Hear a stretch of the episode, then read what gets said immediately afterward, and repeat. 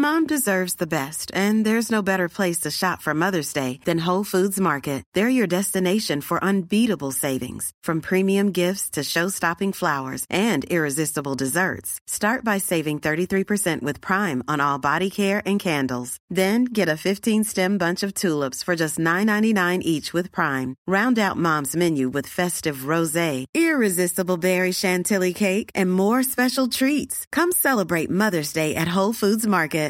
Here's a cool fact a crocodile can't stick out its tongue. Another cool fact you can get short term health insurance for a month or just under a year in some states. United Healthcare short term insurance plans are designed for people who are between jobs, coming off their parents' plan, or turning a side hustle into a full time gig. Underwritten by Golden Rule Insurance Company, they offer flexible, budget friendly coverage with access to a nationwide network of doctors and hospitals. Get more cool facts about United Healthcare short term plans at uh1.com. Oi sann. Var det tilløp til applaus? Det var nesten. Koselig. Oi, oi, oi. oi, oi, oi. oi. Velkommen til denne rekommandertsendinga fra Kometen i Drammen. Det er altså Strømsø torg 4 som er adressa for de av dere som vil komme neste gang. Og billetter kan dere kjøpe f.eks. via rekommandert.com. Det skal handle om uh, ultraløp i dag. Hjertelig velkommen til deg, ultranerd Christian Ellefsrud.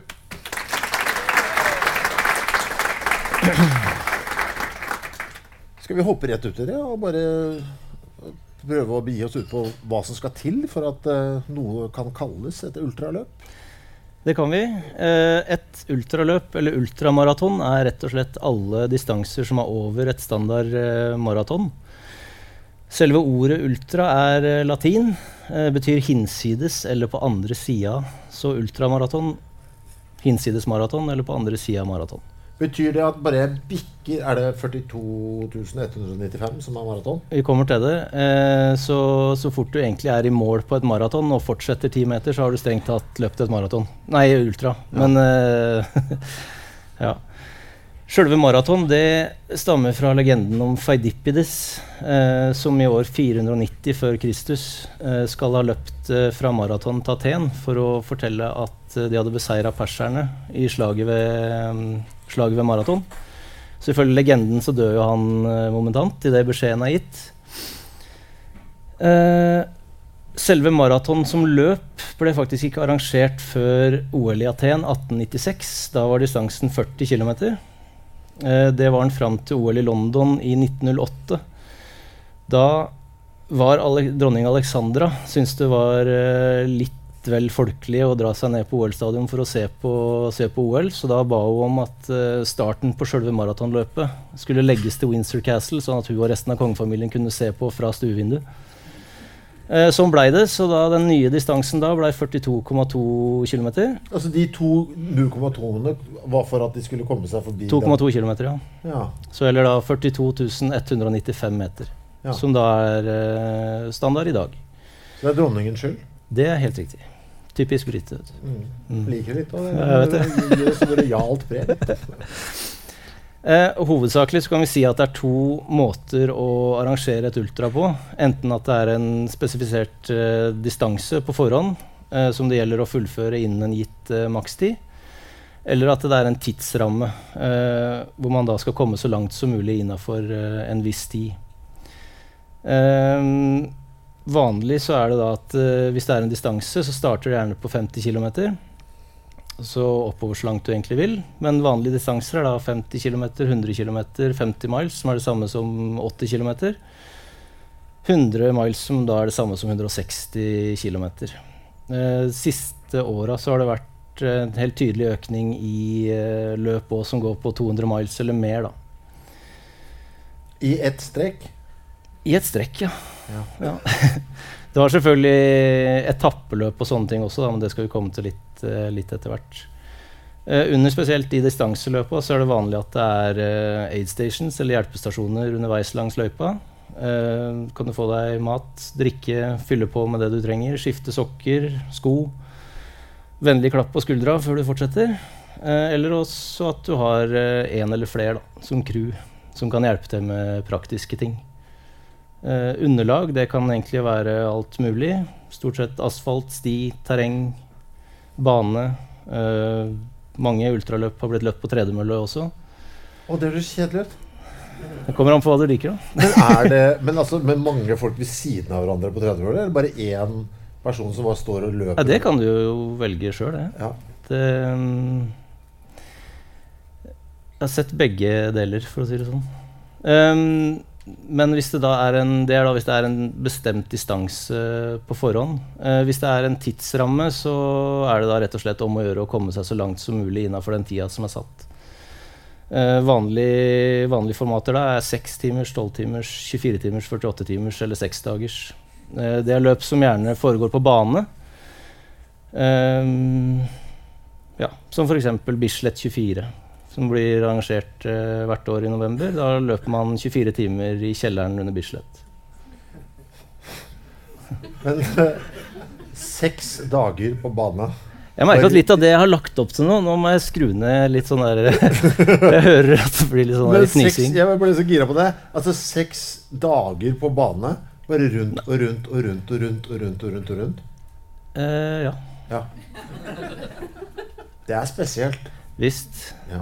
Eh, vi kan jo hoppe tilbake her og ta liksom historikken, kanskje. Altså, Ja. For Når var det vi bestemte oss for at vi skulle drive med Jeg, vi kan, vi kan komme, jeg har litt eh, mer som jeg bare skulle ha med på akkurat det med hva som gjerne skiller et ultramaraton fra vanlig maraton eller kortere Ja. distanser. Da.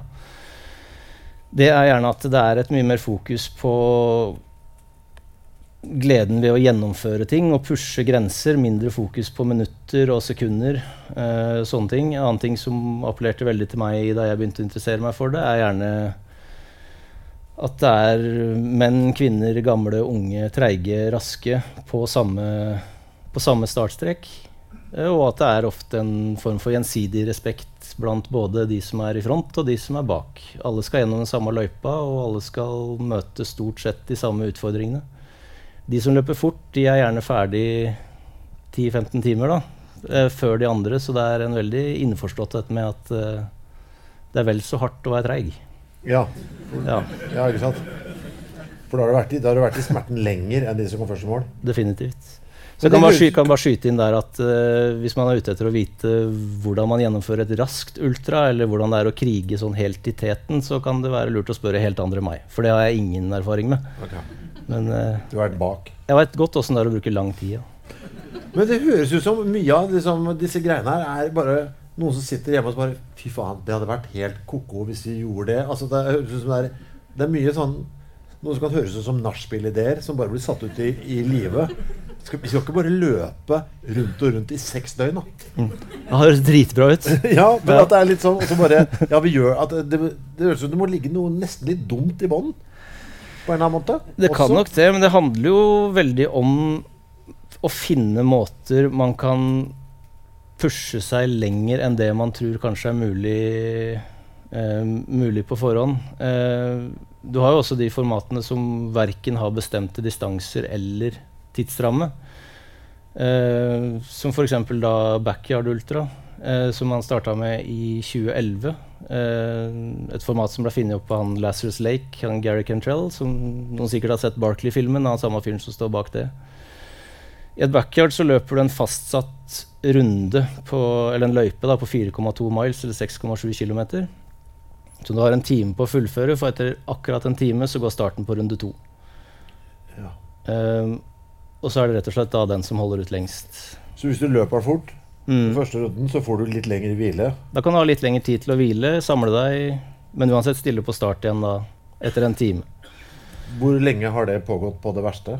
Verdensrekorden ble satt i, eh, i fjor, faktisk, av en 47 år gammel lærer fra Cleveland som heter Harvey Lewis. 108 runder.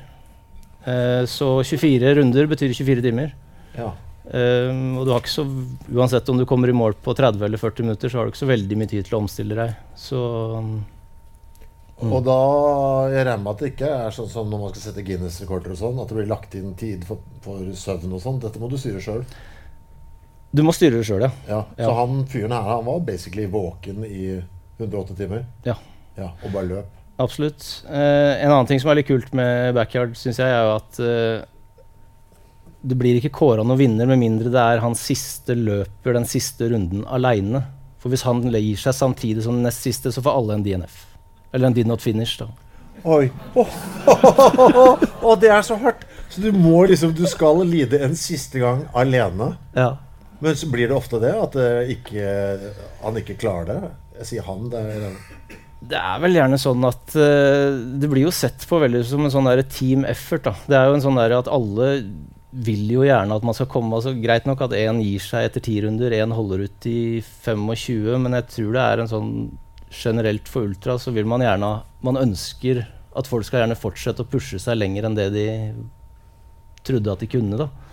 Men det løpet som du beskrev nå, Mm. det fascinerer meg veldig.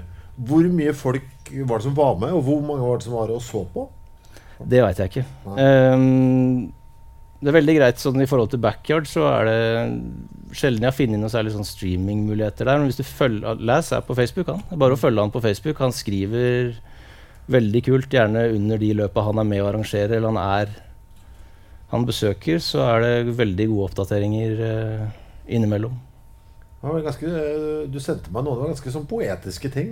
Ja, han er litt sånn der haiku-ute når han prøver å beskrive Ja, og hvordan, han står, hvordan noen står i lidelsen, og han Ja, ja. kjemper seg gjennom det og kommer videre til neste knepp osv. Absolutt. Uh, skal vi ta litt historikk? Vi kan gjøre det. Uh, når kan vi si at dette starta? Hvis vi skal snakke om når det å løpe veldig langt starta, så må vi gå et godt stykke bakover. Da kan vi gå så mye som to millioner år. Ja. Greit stykke. Um, for ca. to millioner år siden så ser vi at ehm, da skjedde det en del endringer eller adapsjoner i det menneskelige genomet som veldig kort sagt gjorde at vi blei veldig gode til å løpe. Eh, mer presis så gjorde det oss gode til å holde relativt god fart på relativt lav intensitet over veldig lange avstander. Nå er det ganske stor enighet om at, enighet om at akkurat det har bidratt til at vi har hatt et ganske stort fortrinn i forhold til eh, andre primater og en del samtidige urmennesker, spesielt med tanke på det at vi kunne få i oss kjøtt, kunne få god tilgang på kjøtt. Vi mennesker er jo omnivåere fra, fra naturens side, altså at vi kan ta til oss både planter og, og kjøtt. Men det menes da at eh, i hvert fall når vi begynte å få kjøtt som en fast del av kostholdet for ca. 1,5 millioner år siden, så bidro det veldig sterkt til utviklinga av hjernen vår. Og at vi rett og slett eh, ikke sneik i køen, da, men at vi fikk store fortrinn pga. det. Og det kom som en følge av at vi begynte å bli gode til å løpe? Ja, for da En studie som kom i 2004 av en som het Bramble og en som het Lieberman, peker på 26 forskjellige eh, spesifikke punkter ved menneskekroppen da, som alle bidrar til å gjøre oss til gode løpere. Eh, ikke bare det, men det viser til at eh, hvis de ikke er der med tanke på nettopp løping, så vil det antageligvis vært evolusjonære blindgater. Eh, spesielt kombinasjonen av alle de her. En del ting deler vi med en del andre dyr. Noen er vi helt aleine om, og kombinasjonen av de er vi vel helt aleine om. da. Det går på alt fra hueform til store rumper til eh, hvordan menneskefoten er, er, eh, er sammensatt. Jeg trenger selvfølgelig ikke å gå gjennom alle, men sånn som f.eks. Akil da, som primater ikke har.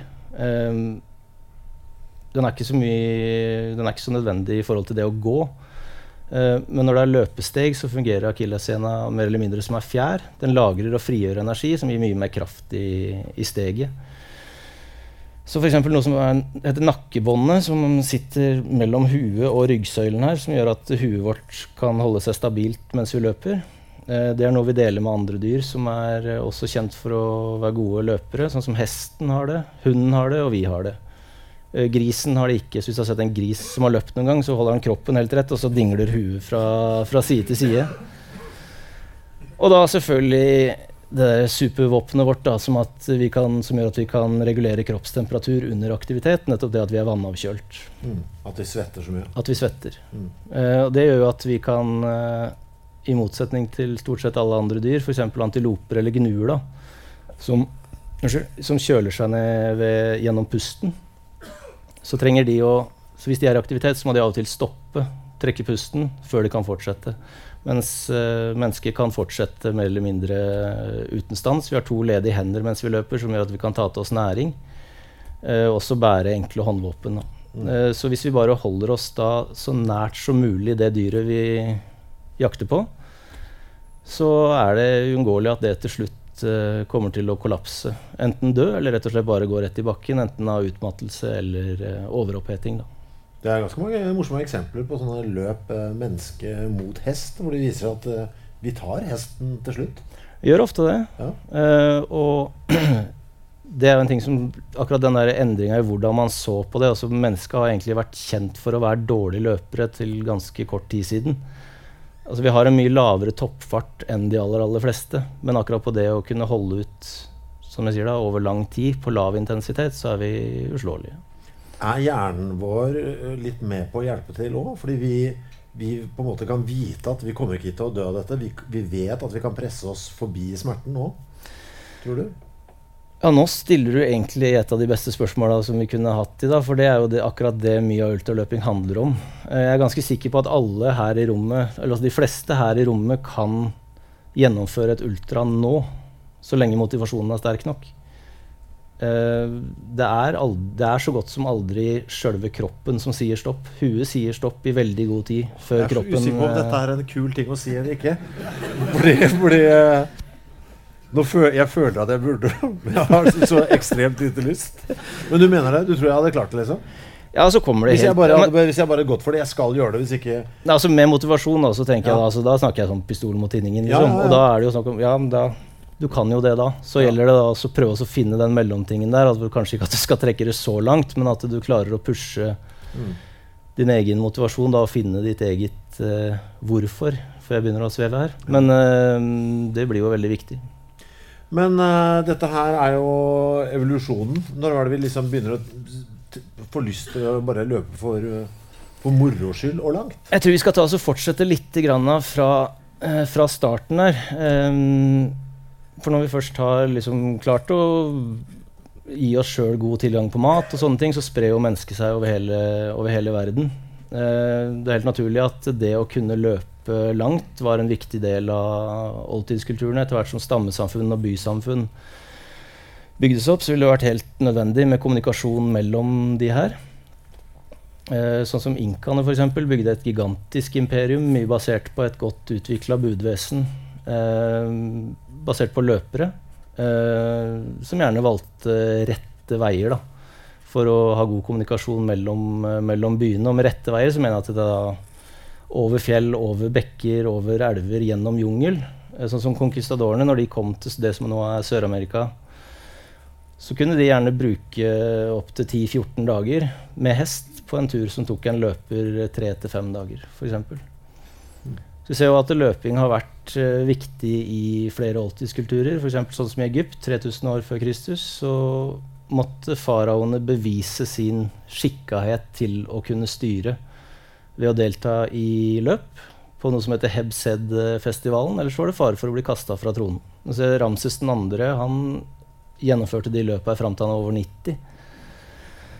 Eh, Faraoen Taharka han var kanskje den første som så eh, så på løping i en eller annen form for folkehelseperspektiv. Han eh, mente at løping gjorde både sjelen og legemet sterkere. Så han arrangerte fast løp, i hvert fall én gang i året, hvor alle innbyggerne skulle delta, og oppfordra også til løping resten av året for å være forberedt. Da. Vet du noe om hvor lange disse løpene var? eller? Det var nok ikke så veldig lange løp. Eh, men eh, i Mesopotamia, det som nå er Irak, ca. Ja, 2000 år før Kristus vel, så var det en som het kong Sjulgi, eh, som var konge over sumererne. Han gjennomførte vel det mange tror er en av de første sånn dokumenterte, hvis vi tar et dikt fra 2000 år før Kristus som dokumentasjon, i hvert fall. Mm. Som kan være en av de første ultraløpa. da. Han øh, ønska å delta på takkefest i to forskjellige byer samme døgn. Så han regjerte i, eh, satt i en by som het Nippur, i nærheten av dagens Bagdad. La ut på kvelden, løp gjennom natta mot byen Ur. Eh, hadde tjenere som bytta på å løpe i nærheten med kagger med vann, mat. Det er akkurat sånn som du beskrev i Ultraland i dag. Ja. Det, jeg vet det. det er morsomt. Eh, og med fakler da, for å lyse opp veien for han. Kom fram til Ur på morgenen. Eh, deltok i noen ritualer. Spiste, vilte før han snudde og løp hjem igjen til eh, Nippur. da. Eh, og rakk å komme fram dit eh, tidlig i kveld. Så nå i dag så vet vi jo avstanden mellom de byene her, så det er snakk om da ca. 140 km på litt under 24 timer. Og det er ganske tett opp til det mange opererer med nå, da. Sønnene hans skal også ha arrangert minneløp til hans ære. Og nå blir det enda likere, for på det løpet så var det ølstasjoner langs veien. I tillegg til at uh, løperne var oppfordra til å olje seg inn for å unngå gnagsår. Så, så lite vi har utviklet oss som art. Det er akkurat det. jeg heter. ja. Um, Tor Gotaas skriver veldig bra om en del løping i en del av de oldtidskulturene her. eh, I den rene ene løpeboka si. Anbefaler det. Uh, som for vår, vår del her i Norge, så vikingene løper jo naturlig nok også. Eh, langdistanseløping nevnes ofte i sagaene. Har I he-. Heimskringla så skriver Snorre spesifikt om vikingkongen Harald Gille, eh, som flere ganger da skal slå hester i samløp. Det er mye sannsynlig at det der er snakk om islandshester. Som vel ikke akkurat er bygd for verken fart eller distanse, men jeg tenker at Ser bra ut på papiret, da. ja, ikke sant? Og Man når jeg kan ten- løpe i hjel en hest, liksom. ja, og jeg tenker at når Snorre tar det med, Ja. så må det ha hatt en eller annen viss uh, relevans. Det massevis av sånne eksempler opp gjennom historien. Vi skal ikke ta så mange, men vi må innom maratonmunkene fra Japan. Men de løp vanlig maraton? Nei. Nei. Uh, helt siden 1300-tallet, så ved foten av et fjell som heter Hiei, litt nord for Kyoto, så har det holdt til en gruppe med munker som har søkt å finne opplysning gjennom eh, langdistanseløping. Eh, de er alltid kledd i hvitt, som er dødens farge. Eh, de har alltid et tau rundt livet med en kniv i. Vil du gjette hvorfor? Ikke for at de skal Som en trussel mot å fortsette å løpe? Hvis de slutter, så er de pålagt å ta livet av seg. Enten, enten ved å henge seg, eller å bruke kniven til å Engelsk disembowel. Da. Men hva mener du? At de skal løpe for alltid? De skal løpe en viss eh, Jeg kan ta hele programmet nå. eh, Ja. Men de skal løpe i sju år. Eh, de skal løpe da Nå holder dette på nå? Det skjer ennå, ja. Ja. Første tre åra så skal de løpe sammenhengende 100 dager, 30 km om dagen, hvert år. År I sju år? Ja, nå først tre år. Tre første åra, 30 km om dagen, sammenhengende 100, gang, 100 dager hvert år. År fire og fem så skal de løpe 30 km om dagen, 200 dager i strekk. År fire og fem, ja. Eh, Etter de fem første åra så skal de få slappe av litt. Da er det ni dager våken tørrfaste eh, i tempelet. Så da skal du altså få faste uten vann eller mat eller søvn i ni døgn. Og det er der mange bikker. Eh, Men er det fremdeles med trusselen om død? Ja. ja. Jeg kommer dit, Det er ingen som har kjent tatt livet av seg etter 1901. Etter 1901. Så da år seks så skal de løpe sammenhengende 60 km 100 dager. Siste året så skal de løpe sammenhengende 100 dager, 84 km om dagen. Før de roer ned med 100 dager i strekk med 30 km om dagen. Why? Hva er eh, tanken her? Uh... Jeg kommer ikke til å klare å gi det der helt rettferdighet. Og det er brutalt, det høres ekstremt ut, og det er det jo selvfølgelig òg. Men de beskriver det på en veldig sånn fin måte at det handler om en eller annen riktig motivasjon for å møte hvordan du forholder deg i møte med ting som er vanskelig, ting som er krevende, og ting som gjør vondt. Pluss at det også beskriver veldig den derre følelsen man kan få når du er i veldig krevende situasjoner. Da. At du får en sånn Altså du kjenner på et sånt nærvær i forhold til ting som er rundt deg. Syn blir bedre, du registrerer bedre ting, lyder, smak. Og det er en sånn som Uten at jeg har hatt trusselen om å henge meg etterpå, liksom. Så det er sånn som jeg kan kjenne på sjøl. etter en god langtur, liksom. Det er, det, det er ingenting som smaker så bra etterpå. Som hva som helst. Men disse munkene, hva, hva er livet deres etter disse sju åra? Vet du det? Og da får de nesten sånn der eh, buddha-status. Ja. Eh, de som fortsatt er i Japan, de, eller rundt TA der, de er uh, ettertrakta og og sånne ting. Kan de Eh, løpe hvor de vil? Nei, det er en gitt rute rundt eh, Eller opp på Mount TA, er det vel. Der er jo selvfølgelig er, du, du- du skal se det samme hele tiden også? Ja, blant annet fjell, i tillegg til alle de umerka gravene. Ja. Fra de som har bikka før deg. Ja, for de må du hilse på underveis. De skal du hele tida stoppe og be og respektere. Ja. Men det er jo litt fordel òg, da. For litt sånn litt Få litt pauser, ja. ja. ja. Mm. Eh, siden 1885 så er det 46 som har fullført. Eh, tre av de har fullført to ganger. Én har starta på runde tre, ga opp ca. rundt 2600 og tok kniven. Nei, gjorde han det? Ja, han måtte. På runde tre. Ja. Kan hvem som helst bli med i det greiene her? Det veit jeg ikke, men Nei. eh, jeg er mer enn villig til å prøve å få deg med hvis du er hypp. Jeg er ikke Men det er så vilt at det skjer, syns jeg. Dette er nå, liksom. Ja, det skjer nå, ja. Eh, ja. Så eh, er vi da på 1300-tallet, var ikke det jeg sa? Jo, det var da de begynte med det, så det har da fortsatt siden da. Eh, hvis vi flytter oss litt til Europa, så utover 1300- og 1400-tallet, så ser vi at uh, løperyrket og budyrket, det er et uh, stolt og særdeles respektert yrke i Europa. Uh, det er veldig godt betalt. Det er et ettertrakta yrke, går ofte i arv. Det ser vi på tyske navn, etternavn den dag i dag, sånn som Laufer og Bott, løper og bud, stammer fra, fra løpefamilier. Eh, løperne blei ofte bereiste, hadde nær kontakt med adel og andre høyrestående. Eh, høy tillit. Eh, ofte diplomatisk immunitet også i krigstid. Bevega seg over eh, landegrenser i, til høyre og venstre.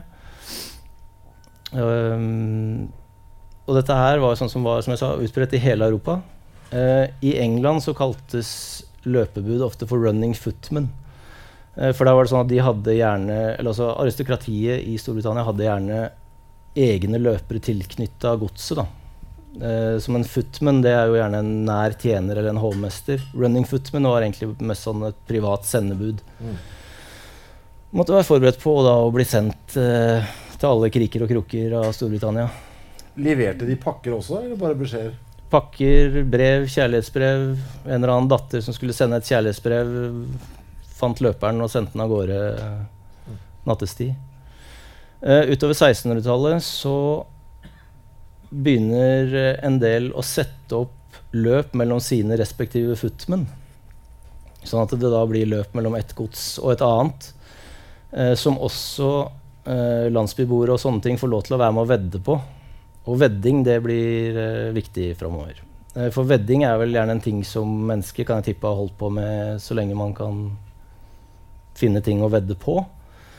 Spesielt to ting som skjer som gjør at uh, veddinga blir tatt til litt nye høyder. Det ene er en sånn mer nøyaktig avstandsmåling. Eh, I 1588 så eh, standardiserer dronning Elisabeth det som da blir en engelsk mile. 1609 meter. Så nå blir det da mulig også å vite mer nøyaktig hvor langt det er fra en by til en annen. Og du kan også begrense det ned da, til å vise liksom hvor langt Ok, det er det samme som å løpe dit, f.eks., eller gå dit. Da. Eh, det andre er at uh, de får en mye mer nøyaktig måling av tid. Uh, helt siden 1300-tallet så har mennesker for første gang kunnet høre tid når de begynte å markere hver hele time fra kirkeklokker og rådhus og sånne ting. Det at man faktisk kunne høre tid, ble en sånn annen måte å tenke på, men da får du et mye mer bevisst forhold til det enn at det er en eller annen sjattering fra sola som gjør at du skjønner sånn cirka når på døgnet det er. I Tyrkia på 1500-tallet så kommer de første urverka som viser minutter og sekunder, og på 1700-tallet da kommer stoppeklokka. Så det at man da hadde en nøyaktig avstandsmåling, og det at man kunne måle akkurat hvor lang tid man brukte hit eller dit, det tok veddinga helt til nye høyder, i, spesielt i England. Da. Og da ble det vedda på alt. Og da er det konkurranse for første gang? Ja, ja, da var det folk aleine eller eh, flere mot hverandre. Det kunne være kvinner mot menn, gamle mot unge. Eh, trebein og øyelapp mot eh, barbeint og kona på ryggen, liksom. Det var alt. Alt som kunne veddes på, eh, blei vedda på. Det som snart falt veldig godt i smak, var nettopp det å vedde på distanse. Så, og da var det gjerne sånn at en eller annen som følte at han kunne løpe ganske langt, han sa at uh, jeg vedder på at jeg kan løpe dit og tilbake på så og så lenge.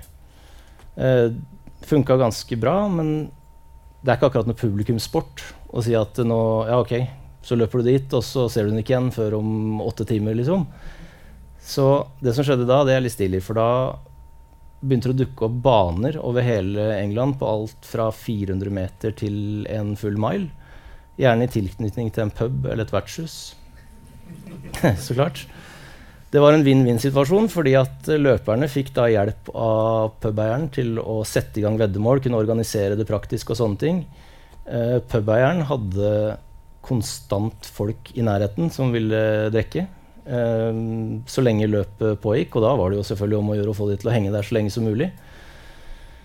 Så det var ikke bare småtterier heller som foregikk på de banene rundt omkring eh, i England. da. Det var 100-milere, 200-milere, 24 timer, 48 timer. Ja, Så det var rene ultraer, egentlig? Ja. ja. Eh, og noe som ikke er et sånn per definisjon ultra, men som jeg syns er veldig kult, er en som het eh, Robert Barkley Allardyce. som eh, han var tidligere sånn fjell av en mann. Kjempe boksetrener og tidligere militær. Som uh, seinere kjent som Captain Barkley. Han uh, inngikk et veddemål litt i halvfylla uh, om at han skulle løpe eller gå uh, 1000 miles på 1000 timer.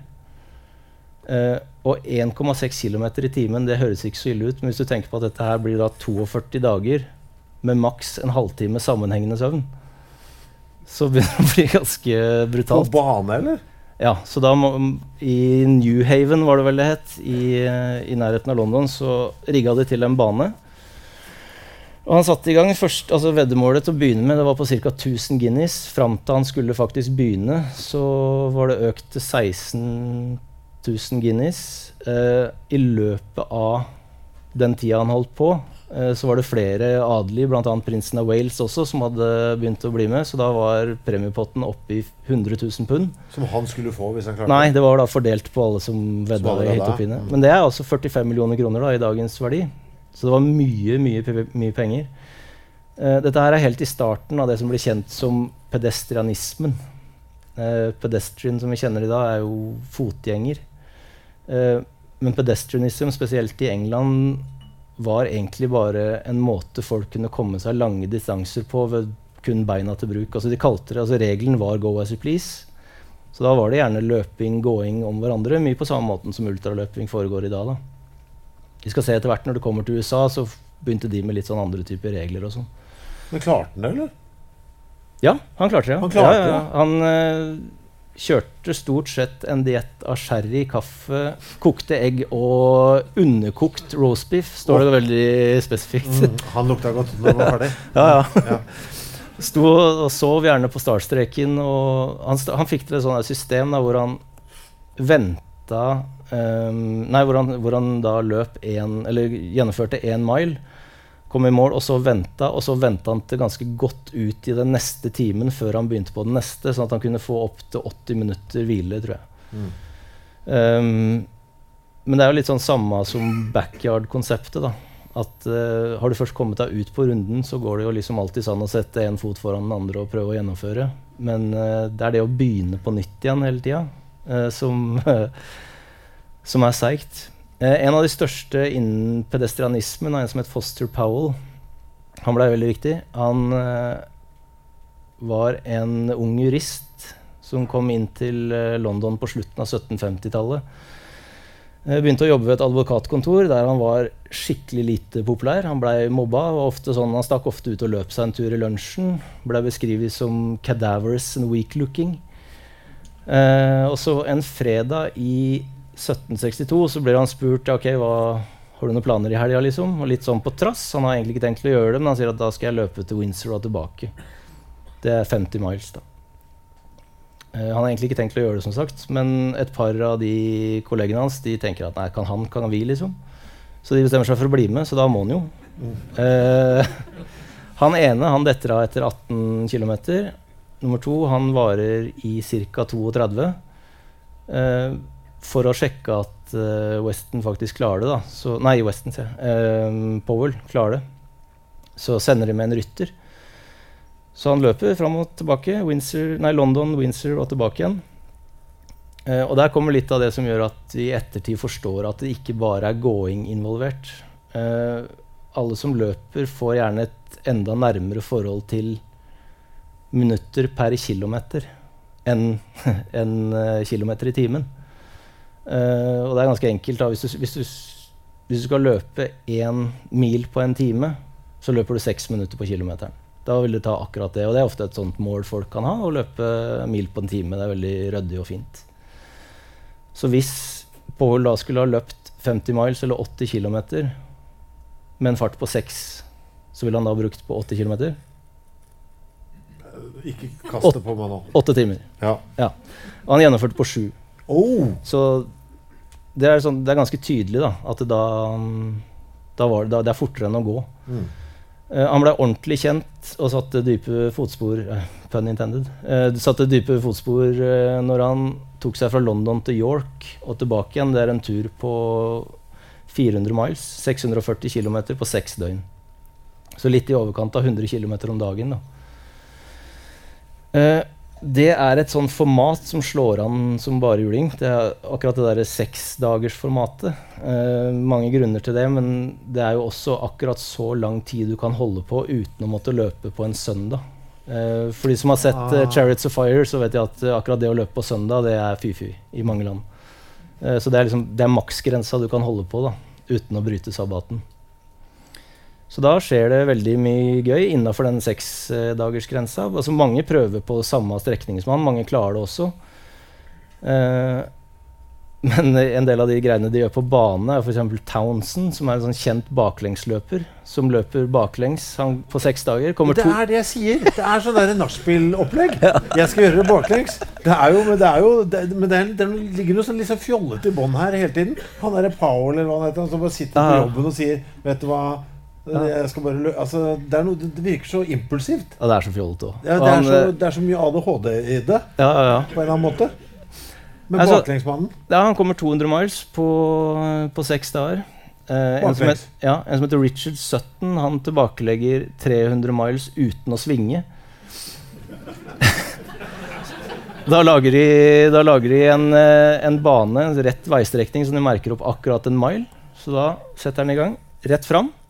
Uten å svinge. Så løper han, rest, så løper han tilbake igjen baklengs og holder på sånn oh. i seks Så han ser, han ser, virkelig det samme absolutt, absolutt hele tida. Ja. ja. Og det er bra konsept òg, vet du. Det er ja. nesten det beste hittil. Ja, visst er det bra. Ja. Uh, det er så fint at um, Det blir veldig mye uh, altså Når var dette her? Det her er på starten av 1800-tallet. Så tullete de var allerede da, liksom. Man tror liksom at nå lever vi i en sånn eh, tidsalder av tull og fjas, liksom. Ja, ja. Jo, de, men de lo jo av det. De må ha ledd av det. Ja, det må de ha gjort. Ja. Og det var så mye bråk òg. Fordi at uh, En ting var veddinga som gjorde at det blei mye, mye, bråk. Men uh, kan tenke deg foran en pub da hvor folk gjerne har drukket et par dager i strekk, og så begynner halvparten av de som de 3000 utafor puben å skjønne at de kommer til å tape jævlig mye penger i tillegg. Mm. Og da blei det mye sånn her, prøve å hindre løperen, f.eks. hvis du har vedda mot den, og det var masse rabalder. Politiet som prøver å stoppe og alt mulig. Men det her er antageligvis den største publikumsidretten i Storbritannia på starten av, av første 20-25 åra av 1800-tallet. Og midt oppi det kaoset her av vedding og slåssing og politi, eh, utpressing og drapstrusler, så legger det en uh, britisk fregatt som heter Caledona til i London. Og da mønstrer det av en norsk sjømann som ikke bare skal bli Norges første profesjonelle idrettsutøver, men som også er den kanskje største ultralegenden verden har sett. Er det Mensen Ernst? Det er jo det. Hva, hva, er det for en fyr? Det kan du si.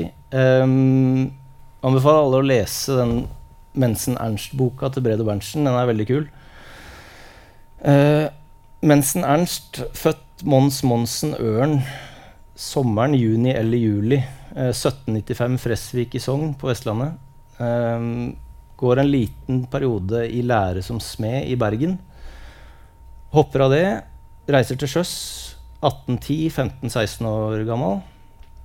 Eh, på sjøen så ser Mensen Ernst eh, hele verden. Eh, det er også her han antageligvis får navnet sitt. Monsen Ørn blir antageligvis til Mensen Ernst. Eh, masse forskjellig språk og sånne ting.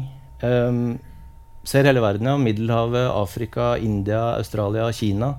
Imponerer resten av mannskapet med å delta i løp når båten han er på, ligger i havn. Da.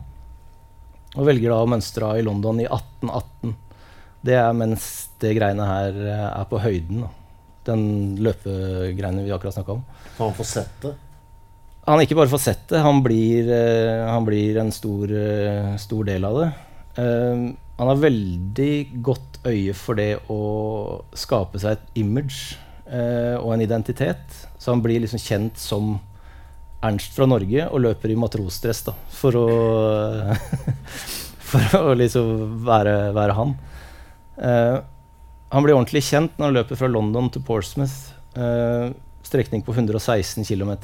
Uh, han inngår et veddemål om å løpe den turen på ti timer. Han gjør det på ni. Så han holder en snittfart på 4,40. Uh, de som vet, de vet. Det er fort, da. Mm. så blir han han, enda mer kjent når han løper fra London til Liverpool og tilbake. 150 miles. 240 km ca. på rett under 30 timer. Uh, gjør det veldig bra, tjener bra med penger i England og tjener penger på sånn som veddemål som det her, i tillegg til at han får seg en statlig jobb som offentlig kurer mellom London og Dover. Så han løper med stats, uh, statsbrev og sånne ting. Hva har han på beina, forresten? Han, han, har enkle sko. Ja. Akkurat det snakker han ikke så mye om, faktisk. Eh, jeg skal snakke litt om sånn sengevanene hans etter hvert. Men uh, Sovevanene? Det er mye mindre kinky enn det høres ut som. Okay, selvfølgelig okay. Men, uh, i, ja, men som jeg sa, rundt 1820 så reiser han til Tyskland. Reiser hele Tyskland uh, alltid til fots. da. Alltid, alltid, kun til fots eller til sjøs. Det er det eneste måten han reiser på. beveger seg hele Tyskland på kryss og tvers før han får seg jobb på et gods hos en adelsfamilie godset heter Annenrode. Og det er egentlig det som mer eller mindre blir hjemmet hans for resten av livet. Eller det eneste han kan kalle et hjem. Da. For da starter han en Kall det en vane med ja, altså Mens han jobber på Anenrode, så får han et veldig godt forhold til familien. Han løper ærend på dagen, underholder med historier fra sjømannslivet og løperlivet på kvelden. Uh, og blir tilbudt å bo der gratis resten av livet. Han blir også nevnt i familien sin, sine memoarer, så det er helt tydelig at han er en ekte person. Uh, ja, så forlater han gjerne Annen Råde for en seks måneders tid, opptil et par år. Løper hele Europa på kryss og tvers. Eh, og så tilbake igjen til Annen Råde da, i høytider, jul, påske, sommerferier. Hviler ut, og så stikker av gårde igjen. Um, en periode så løper han opp nærmere mot, uh, mot Danmark. Uh, og da er det helt tydelig at han er en stor stjerne. Han nevnes både i Morgenbladet, danske, tyske, franske, engelske aviser. Det er nesten sånn føljetong innimellom. Det kan stå sånne små notiser. Jeg har sett det sjøl. står det tysk avis hvor det står Norske løper Ernst ankommer Odense 10.10. Det er det, liksom. Så Men, de følger han liksom Men hvordan, hvordan tjener han penger på dette her, da? Setter han opp noen sånne bets? ja, ja, han ja. inngår veddemål her og der. Eh, tjener akkurat nok til mat og drikke. Og kanskje får lov til å Han sover stort sett eh, på bakken under, uh, under stjernene, eller til nød en trebenk i et vertshus eller noe hvis været er skikkelig dårlig. Senger vil han ikke vite noen ting av. Ja. Så litt mye fram og tilbake, ja. I 1827 så går han til sjøs igjen. Blir med den britiske krigsflåten rundt til Afrika. Går i land i Egypt. Eh, på veien tilbake da, så løper han gjennom, gjennom Egypt, Memphis, og så ser pyramidene. Eh, gjennom ørkenen til Jerusalem, kommer til Konstantinopel. Der blir han en periode og får tydeligvis et godt forhold til mange av de som er høyt oppe i systemet der. Det går igjen veldig det at han har tydeligvis et veldig sånn derre et eller annet som det er tillit til, eller hva det er, så får han alltid innpass da, hos de høyrestående folka. Der er han en liten periode, tjener en del penger på oppvisningsløp og sånne ting, før han løper eh, da, til Bucuresti, Wien, Praha og så hjem igjen til Tannenråde. Så etter en periode så drar han til Paris. Uh, han har ei søster der som er gift med en, uh, en eller annen rik mann. Det er det eneste som skrives om familien hans, som jeg har fått med meg, i hvert fall, og det er bare krangel. Hun prøver antageligvis å få han til å slå seg ned, eller sånne ting. Det vil han ikke vite av. da. Han vil bare løpe? Han vil bare løpe. Eh, apropos det, så må jeg skrive det, eller jeg leser det, at han, han går jo i land i 1818. Så må bare ha et uh, sitat der. Det er så bra skrevet, syns jeg. Uh, I 1818 så mestrer han altså i London for å Det er hans egne ord, da, som han har skrevet sjøl. Og derimot føre min ualminnelige benferdighet til nytte ved landreiser, jo lengre jo bedre, enten som veddemål eller til offentlige ærender. Så fortsetter han. Hertil kom dessuten min naturlige og betvingelige lyst til at lære fremmede land at kjenne, ikke på sjømannens ufullkomne måte, men ved å trenge inn i deres indre og gjennomstreife dem i alle retninger. Og således, hvor selsomt og ufruktbart det enn kan forekomme de fleste, valgte jeg et kall der vi skjenker meg alle reiselivets gleder, skjønt riktignok også dets sorger og innvordigheter. Fy faen, det er pent, altså. Det, jeg syns det er fryktelig kult at han helt tydelig i 1818 tar et bevisst valg på at det her er den måten han ønsker å leve på. Ja, Han møter uh, folk gjennom løpinga, liksom? Ja. Mm. Og det er veldig tydelig i memoarene hans òg at han, han, har en sånn utrolig fin nysgjerrighet og en sånn der glede i både møter med land, steder og mennesker han møter. Det er en sånn, han har en veldig kjærlighet i måten han beskriver nye folk på. Men er det noen sånne løp han gjør, som står igjen, på en måte? Som liksom Shit, løpte ja. han virkelig dette? Ja. Eh, noen av dem er det jo litt tvil om han faktisk gjorde òg, og det er jo det som er litt spennende. Eh, I Paris så klarer han å rote seg skikkelig midt oppe i julirevolusjonen. Midt i Paris. Så etter mye om og men så klarer han å flykte derfra. Eh, men han får også inngått en avtale med en eller annen høyrestående person i Paris eh, om at han skal få levert noe til tsaren i Moskva. Så da løper han fra Paris til Moskva på Paris-Moskva? Paris, I ett strekk? Ja, altså Han sov jo innimellom. Hvor, hva er ruta da? Hvor løper han? Eh? Det har jeg ikke ja. foran meg her, men i biografien så står alle de checkpointsa. Men Hvilket år er dette nå? Det her blir i 1832. Det er et eller annet med, det er ikke GPS, uh, det her. Dette det med å stå i Paris, skal vi se Ja, der er det sånn. Da er det i retning Moskva, ja. Sånn. Ja. Og så bare begynne. Og akkurat den Paris-Moskva-turen er en av de turene som det faktisk er mest tvil om faktisk stemmer. Eh, okay. For det er 2600 km på 14 dager. Det er gjennomsnitt, oh. gjennomsnittlig 178 om dagen. Ja. Men det er liksom så tett opp til hva som egentlig er mulig òg. Så det er litt sånn derre for bare året etter så tar han på seg en oppgave for kong Ludvig eh, om å bringe papirer til sønnen hans Otto, som sitter i Aten. Så han løper fra München til Aten. Eh, 2700 km på 24 dager, 135 km om dagen. Og der er det faktisk veldig på at han faktisk gjør det, da. Altså det føler vi oss ganske trygge på? Ja, faktisk. Og også den turen som han kanskje er mest kjent for, når han tar på seg for Det ostindiske kompani og bringer papirer fra Konstantinopel til Calcutta og hjem igjen. Otto Det er så drøyt. Det er så dumt òg, vet du. Det, men, da, men, da, må du jo stole på nå, da. Hvis du bare ser dette. Hvordan det er akkurat det. Hvordan skal vi få levert dette? Nei, vi må bare Sende Ernst, da. Mens Ernst får løpe av. Men det er ikke bare Hairsay heller, fordi at alle disse her førte jo selvfølgelig veldig nøye oversikt over hvor ting havna hen, og hva slags papirer som gikk hvor. Hvor langt er dette? Det er 8300 km. Ja. Eh, som man skal ha tilbakelagt på 59 dager. Går, går det? 150 km om dagen. Ja.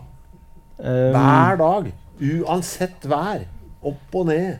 Vi skal snakke om en nordmann etterpå som lever i beste velgående nå, som ikke har gjort det samme, men som jeg har en del sånn likhet Som jeg syns det er en del likhetstrekk ved. da. Men, det, eh, har det vært noe sånn snakk om at folk har prøvd å gjenskape det, eller? For jeg vil jo tro at denne ultramiljøet kjenner jo til mensen, Ernst. Kanskje han her. Mm. Så får vi se. Mm. Um, han, uh, han, får etter hvert Etter det her da, så får han jobb hos en fyrste. Uh, og får, uh, får et uh, oppdrag hvor han skal prøve å finne den hvite Nilens kilder. så han legger i vei fra Schlesien i Tyskland ned mot Afrika, kommer til Egypt og stopper det brått. Da blir han rett og slett funnet død ved Nilens bredd, eller ved Aswan, det som nå er Aswan-dammen eh, av turister i 1847. Ulykke eller Dysenteri. Det går igjen nå i alle de memoarene hans at han hele tida møter pesten, da, som han kaller det, eller kolera. Mm. Um, det er liksom overalt. Og så må han snu også. ja, for han har det i tillegg. Det er ikke det bare skulle løpe langt. Nei, det, det er ikke bare det å skulle løpe langt med. Men, men han um, Ja, så da blir han antageligvis begravet, Han blir begravd der på stedet. Da, så graven hans er nå mest sannsynlig under det som nå er Asvandammen. Ja. Mm. Eh, skal vi hoppe litt opp til uh, moderne tid? Vi skal gjøre det, men vi må innom en liten eh, En svipptur innom USA først, for det er så mye bra. Ja. Da, vi har tid til det. Ja, ja, ja, ja. Når er det du tenker da? Da tenker jeg å avslutte akkurat der hvor England gir seg på topp. Uh, Mensenherz kommer jo dit og herjer og står på sammen med alle de andre som holder på der. Sånn, og fram til 1825, da dør det ganske greit i England. For da sier politiet at nå er det nok. Ja, for det ble for mye bråk? Det, blir, det er en grunn, da, i tillegg til at det begynner å komme andre ting å vedde på, som de heller foretrekker. Og da forsvinner helt både seksdagers og, og pedestrianismen før den gjenoppstår i USA noen få år etterpå. Og, og da er den største uten tvil en kar som heter Edward Payson Weston. Eh, pedestrianismen i USA er litt annerledes. Eh, der hvor man i England både løp og gikk om hverandre, så finner de ganske fort ut i USA at, av en eller annen grunn, at de skal praktisere noe som heter sånn heel toe-teknikk. I praksis så betyr det egentlig at uh, ett bein alltid skal være i bakken, så da er det jo egentlig snakk om å gå. Eh, Men jeg tar det med allikevel, for det er en Det er som viktig kappgang, da, basically. Ja. Uh, og så er det jo veldig mye stiler da, folk kan gå i. Det blir veldig viktig etter hvert. For det, um, han Edward Payson Weston, han uh, var utrolig flink til å promotere seg sjøl. Antageligvis enda bedre enn det enn han var til å faktisk å gå. Uh, han var kronisk blakk, hadde alltid gjeld og alltid finansielle problemer. Um, han drev og fant ut at det at han kunne gå langt, det kunne føre til at han kunne tjene ganske greit med penger. Så han inngikk masse veddemål. da.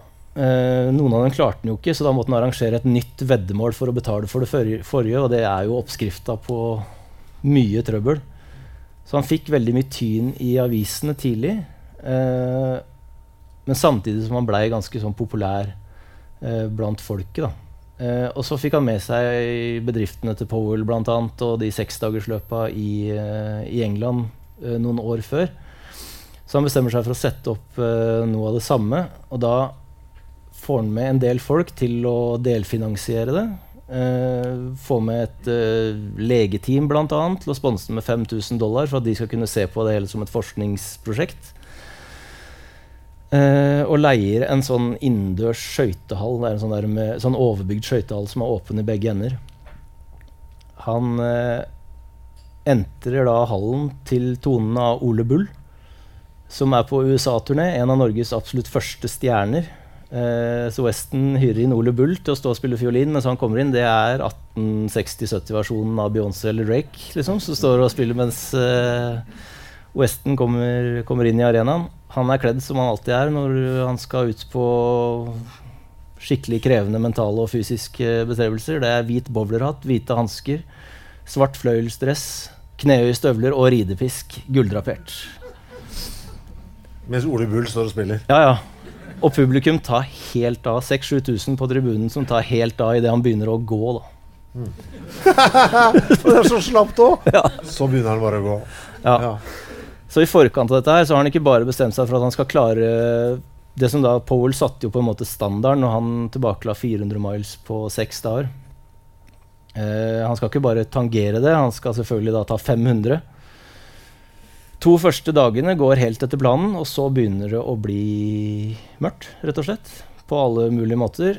Sliter med søvn, begynner å piske seg sjøl med den der ridepisken, så blodet spruter og masse greier. Begynner å kjøre slanger med whisky ned i skoa mens han stopper. For, å, liksom, for at det skal visstnok Det er legeteamet som foreslår da, at det kommer til å fungere. Og whisky på føttene? Ja, ja. Ned i støvla, sånn at han går og vasser i whisky. Men det skal nå ser jeg jo publikumsappellen. Ja, ikke sant? Hvis du har en mann i liksom hvit, altså, hvit drakt som pisker seg sjøl til blod, så heller sprit i, Altså, Ja, ja. det er jo noe. ja. Ja. Og så, og så er det jo det at han, han, kommer tre, han kommer til 320 miles, da. Så han er jo ikke i nærheten av å klare det. Men samtidig så tjener han jo penger. Ja. Eh, avisene er knallharde etterpå. Eh, veldig mye av det handler om at han bare utnytter folks godtroenhet. Det gjør han jo kanskje også. Uh, mye av kritikken går på det at uh, han alltid gjør ting aleine. Uh, at han aldri, det er aldri noe løp. Eh, det skal vi se litt på etter hvert. da. Eh, men eh, kanskje hardest er New York Times, som kaller hele den derre seksdagersopplegget for eh, et håpløst forsøk, forsøk på å ta livet av seg. Og det eneste de beklager, er at han ikke fikk det til. Det er ganske hardt. Å, det er. Men uh, som sagt så er det òg mye det at det aldri er noe ekte løp. Eh, og da møter vi det som kanskje er verdens første ultrapromotør. Uh, og en som har vært tema i den podkasten her før, og som du og jeg har snakka om litt på privat nå, kan du forestille deg en som ser appellen i det? At Og rett og slett skjønner at han kan tjene penger på folk som gjør uh, Er det Barnum eller noe sånt? Det er jo selvfølgelig PT Barnum, ja. ja. Mannen som var ivrig på freakshows og sånn. Ja. Eh, sirkuspromotør og sirkusdirektør. Eh, freakshows og alt mulig. Barnums Greatest Show on Earth eh, var jo et sånn omreisende sirkus som han eh, reiste rundt på veien i hele USA med. Eh, I 1870 så kjøper han en skikkelig sliten lagerhall i New York. Som er tidligere eid av jernbanen til sånn deponi for gamle jernbanevogner og trikkevogner og sånne ting.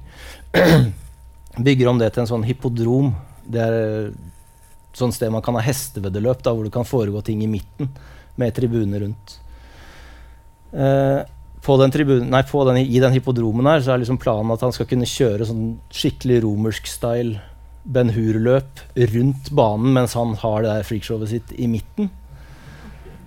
Midt i blinken med å kjøre seksdagersløp, og han og, Wes han og Weston finner jo selvfølgelig veldig, veldig tonen der, da. Eh, så det blir eh, starten på en sånn eh, Vi ser veldig ofte i historien her at det blir veldig veldig populært, og så forsvinner det bare. Eh, men seksdagersløp tar fullstendig av i, i hele, hele USA. Eh, spretter opp baner og alt mulig overalt. Seksdagersløp, eller pedestrianism på den måten som vi snakka om nå, det blir en uh, utrolig publikumsvinner. Weston blir antageligvis den største idrettsutøveren uavhengig av idrett mellom 1870 og 1880 i USA. Det er uh, samlekort med pedestrians på. Jeg har, sendt, uh, du har sett noen av dem. De er så kule at det Det er er helt vondt. kule. Sånne som vi fikk i fotballkort og sånn, som vi fikk i tyggispakker eller hva som helst. Men her fulgte selvfølgelig med sigarettpakkene, da. Så, Jeg slang det med i siste uh, nyhetsbrevet. Hvis noen er eh, interessert i det, så er det mulig å melde seg på det via rekommandert.com. Der ligger det mm, de bilder. Det ser helt vilt fett ut. ja, de er dødskule. Um, Men eh, fortsetter han fremdeles i dressen med pisken, eller? Nei, nå har vi hoppa videre. Ja. Eh, det var jo det løpet. Der kom han ikke lenger enn 320 Ja, miles. Han, han, eh, har ja, ja, han har alltid Pisken er signatur, ja, okay, Så det har han med fremdeles når han går i løpet? Ja, og så i den perioden her da, hvor det er eh, det kuleste av det kule, er pedestrians, rett og slett. Så du ser liksom at folk etterligner gåstilen til de forskjellige gårdene og sånn i gata, og kidsa samler på Western-kort og alt mulig sånne ting. Her også så er det svært, helt fram til Eller det er størst, rett og slett. Opptil 50 000 tilskuere under eh, World Pedestrian Championship i 1979. Um, før det rett og slett bare forsvinner i 1903. Men da er det litt mer tydelige grunner. Da. Da er det gjerne sånn som at friidrett og kortere distanser blir populært.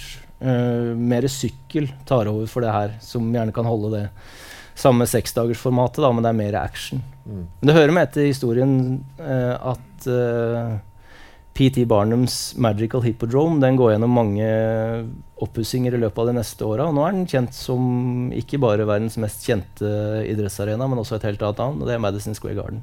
Ah, det er samme sjappa. Samme sted. Man tror liksom at eh, Ja, jeg vet ikke. At man ikke overlever uten TV eller mobil, liksom. Men det gikk jo, virka som det var ganske gøy på den tida der òg. Altså. Jeg tror jo akkurat det er mye av grunnen. da. At, eh, at, du, at de får noe å se på. Vi må alltid sette det liksom opp mot det her. At det er en tid uten TV, mobil, radio Ja, men det, at du kan liksom kose deg med å se på en gubbe som bare går og går eh, i sirkler innendørs, liksom. Ja, og så tror jeg litt av det 50 000 pers. jeg har, tenkt litt på det, jeg har tenkt litt på akkurat det der med veddinga. At jeg tror at eh, veddinga er kanskje ikke alltid det viktigste. Jeg kan tenke meg at du egentlig så betaler du bare for å se om en mislykkes eller ikke. At, det, at, det, at det å være med å vedde er egentlig bare et insentiv fordi at du har lyst til å se hvor jævlig det kan gå. Ehm, kanskje. Men i 1903 så forsvinner seksdagersformatet uh, fullstendig. Uh, skjer ingenting før i 1980. Da arrangeres det et uh, seksdagersløp. Uh, bare følge en liten grein litt på sida her. I 1980 så settes det opp et seksdagersløp i California. Uh, og i 1981 og 1982 så Da blir det en sånn ordentlig bølge igjen. Uh, alle de gamle rekordene fra tidligere skal slås. Langt ifra så lett som man kanskje skulle tro. Og nå løpes det, løpes det for alvor, da. Uh, Jannis Koros uh, blir den første til å slå 1000 km-grensa i 1984, nei, 1983. I 1984 så setter han verdensrekorden på 1044 km på eh, seks dager. Den står til han slår den sjøl i 2005, som nesten 50-åring. Og står den ennå? Den står ennå. Eh, Jannis Koros han er ansett av veldig mange som den største ultraløperen noensinne. I hvert fall hvis vi ser på bane- og asfaltløp. Eh, Koros han ble født inn i en fattig familie 13.2.1956 i Hellas. Måtte tidlig inn og bidra til fysisk arbeid i familien for å holde ting på beina. 6-7-årsalderen, tenker jeg. Eh, som 16-åring så begynner han å satse aktivt på løping. Eh, får høre av treneren at den er for treig på kortere distanser. Også noe som går igjen blant uh, mange av de ultraløperne som etter, hvert blir store. Du får gjerne høre at de er litt treige. uh, men det handler jo bare om en helt annen måte å løpe på. Eh, så han satser på maraton. Det mestrer han, men han føler allikevel at han har mer å gi. Ikke at han kan løpe noe fortere, men at han alltid har mer igjen når han kommer i mål. At han egentlig kan fortsette. Så i 1983 så deltar han passende nok det første året et løp som heter Spartatlon blir arrangert i, eh, i Hellas. Da må vi tilbake til Feidipides. For han løp ikke bare fra maraton til Aten for å si at perserne var slått. Uh, han skal også ha løpt fra Aten til Sparta i forkant av det slaget. Uh, for å be om hjelp fra spartanerne uh, mot perserne. Så Spartatlon det er, eh, det er basert på det løpet. da. Og det er et eh, 246 km langt uh, løp. Arrangeres uh, fortsatt. Det er så bra nå. Nå har du sagt så mange lange kilometer at nå er det bare sånn 246. Ja, ja, piece of cake. Ja, Vi ja. må, må liksom, man må programmere hjernen litt og huske at det er som seks vanlige maraton, nesten. liksom. ja, ja. Mm. Det er det. Skal prøve å komme litt inn på det etterpå, men det er jo litt av en sånn der ultratankegang nå. da, At eh, en 100-miler er jo sånn i distanse ca. fire maraton. Men du kan jo ikke si heller at det er det samme som å løpe fire maraton etter hverandre. Du starter jo ikke på ny frisk når ett er fullført, på en måte. Nei. Eh, men det kan vi ta litt eh, nærmere slutten. Koros løper første Spartatland som blir arrangert, 1983. Eh, da blir det veldig mye spekulasjoner om han egentlig har juksa, for de tror ikke noe på at han har fullført på den tida han har. Eh, de har beregna at det skal ta ca. 27 timer, og han fullfører på 21. Så han løper igjen til nesten året etter, og da løper han på under 21. Jeg tror det er 20 timer og 44 minutter eller noe. Så da er det liksom OK, vi tror deg. Eh, den rekorden den står faktisk i 40 år. Jeg kan komme litt tilbake til hva som skjer når den blir slått etterpå. Eh, Koros han fortsetter da med å sette Gjennom 80-, 90- og 2000-tallet så setter Janis Koros 160 verdensrekorder. Mange av de sine egne på absolutt alt. Det er 6 timers, 12 timers, 24 timers, 48 timers, 6 dagers, 1000 km, 1000 miles. 100 miles, 100 km. Og stort sett alle de rekordene fikk stå helt i fred. Helt til eh, en kis fra Litauen som heter Aleksander Sorokin gikk helt bananas i 2022. Og slo veldig mange av de, i hvert fall de kortere, da, i gåsetegn, Både 100 km, 100 miles, 6, 12 og 24 timers i løpet av ett år. Fortsatt så står eh, 48-timersen og seksdagersen og de 1000 km. Men uh, sa du i stad at han satt en av disse rekordene i ganske høy alder? Ja, Men er eh, ultra noe man kan drive med i litt sånn høyere alder enn en del andre ting? absolutt. Jeg ser veldig mye at um, veldig mange når gjerne Altså veldig mange av de som begynner å få til ultra Altså det er en helt annen måte å, å løpe på. Altså du må hele tida løpe på en intensitet som tilsier at du kan holde på med det veldig lenge. Um, og også det at uh, den evnen vi får til å løpe, som vi klarer å bygge oss opp i løpet av et gitt antall år da. Vi bruker så mye lengre tid enn det vi kanskje har trodd før den evnen er nede på null igjen. Så vi kan gjerne holde oss på et visst nivå mye lenger enn det vi tror. Men Eh. skader og sånn, da? Er det mindre altså, Ja, det er jo mindre skader, men gjerne etter et sånn fullført ultra, da, hvis du kommer opp over 50 km eller over 50 miles, så er du jo sånn I praksis så er du jo egentlig skada når løpet er ferdig. Uh, mye av greia handler jo egentlig om at du må finne den greia hvor du er så ærlig mot deg sjøl at du skjønner at du klarer å se forskjellen på hva som er en begynnende alvorlig skade, og det som bare er dritvondt. Som kommer til å gå over. Og det Og den, og den eh, vurderingen skal du ta når du er helt utkjørt etter å ha løpt i fem døgn? Ja. ja. Det skal du. Um, og det er masse eksempler på folk som har uh, løpt alvorlig skada, uh, men er så knallhard i huet da, at de bare er overbevist om at dette her uh, er hjernen som forteller meg at eh, du skal egentlig stoppe nå. Eh, bare for å ta den Koros-biten er ferdig, så sto jo den Spartatlon-rekorden den sto helt fram til i fjor. Da ble den tatt av en annen greker som passende nok het Fotis til fornavn. det holder for meg, det. Ja, det er bra. Eh, I det løpet så var det også med en eh, nordmann som til tross for eh, Til tross for store mageproblemer og at all ernæring ville ut av kroppen, enten foran eller bak, som til tross for det klarte å komme på andreplass. Eh, Simen Holvik er en av de absolutt vasseste i verden på løp som er lange, også i ultramålestokk. Gjerne på bane og på asfalt. Han er en 46 år gammel eh, sivilingeniør fra Sandefjord, bosatt i Stavanger. Um, andreplassen der, annet. Vant herreklassen i Badwater 135 i fjor. Eh, 220 km gjennom det som vel er kjent som det varmeste stedet på jorda. På asfalt. Death Valley i USA. Eh, I 2021 så løp Simen Norge på langs eh, fra Nordkapp til Lindesnes. 6, nei, 2600 km på 26 dager. Avslutta med en 100 mile siste dagen fordi det var gøy. Mm, Ja. Eh, Simen Holvik han, har, han er en veldig interessant fyr. Han har uh, veldig sterk historie og en veldig sånn filosofisk tilnærming både til løping, livet og ikke minst døden, som jeg syns er veldig spennende. Jeg, var- jeg følte meg veldig heldig. Jeg skrev en del fram og tilbake med han da du og han Einar hadde den Nietzsche-podden. Mm. Det er veldig kult. Så han eh, han eh, kan faktisk være en av de som faktisk kan true noe av det Koros har igjen. av Kanskje spesielt den 48-timersen. Jeg, hang meg litt opp i at han hadde litt dårlig mage. Ja. Ja, når de holdt på med sånn Hvis du er seksdagers på en litt sånn Eller ta den der backyard-greia, Vi kan bare trekke det ned til eh, mye kortere enn det òg. Ja, men- bare, bare sånn 100-milere og sånne ting som er mye mer vanlig, så, så er jo akkurat det å spise er helt essensielt. Det er Men, ofte kom, men gå på do, da. Hvis du, hvis du er på sånn backyard og bare skal løpe hele tiden. Altså, hvor er det man ja, da, Enten så rekker du det på den tida da du er i, men det å drite i skauen er ikke noe fremmed, nei. Nei, hvis det er bane og sånn, da.